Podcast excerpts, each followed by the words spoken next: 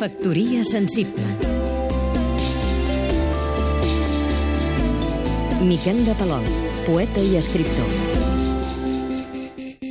Parlant de paradoxes, se'm plantejava l'altre dia una de curiosa i fins a un cert punt perillosa. Imaginem una parella que, passat el protocol de seducció habitual, van a parar al llit i es troben que cap dels dos no va equipat per mantenir allò que se'n diu relacions segures. L'un li pregunta a l'altre si sempre que s'ha trobat en casos esporàdics com aquest ha pres les precaucions adequades i l'altre li respon que sí.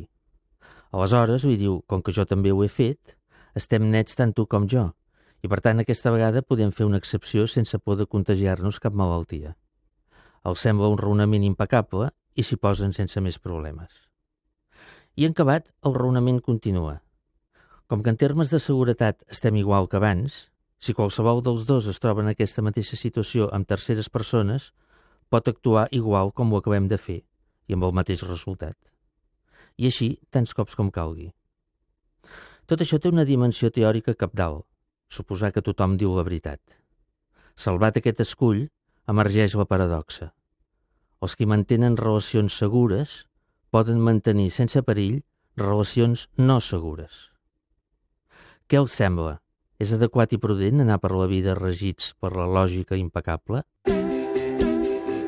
Factoria sensible Seguim-nos també a catradio.cat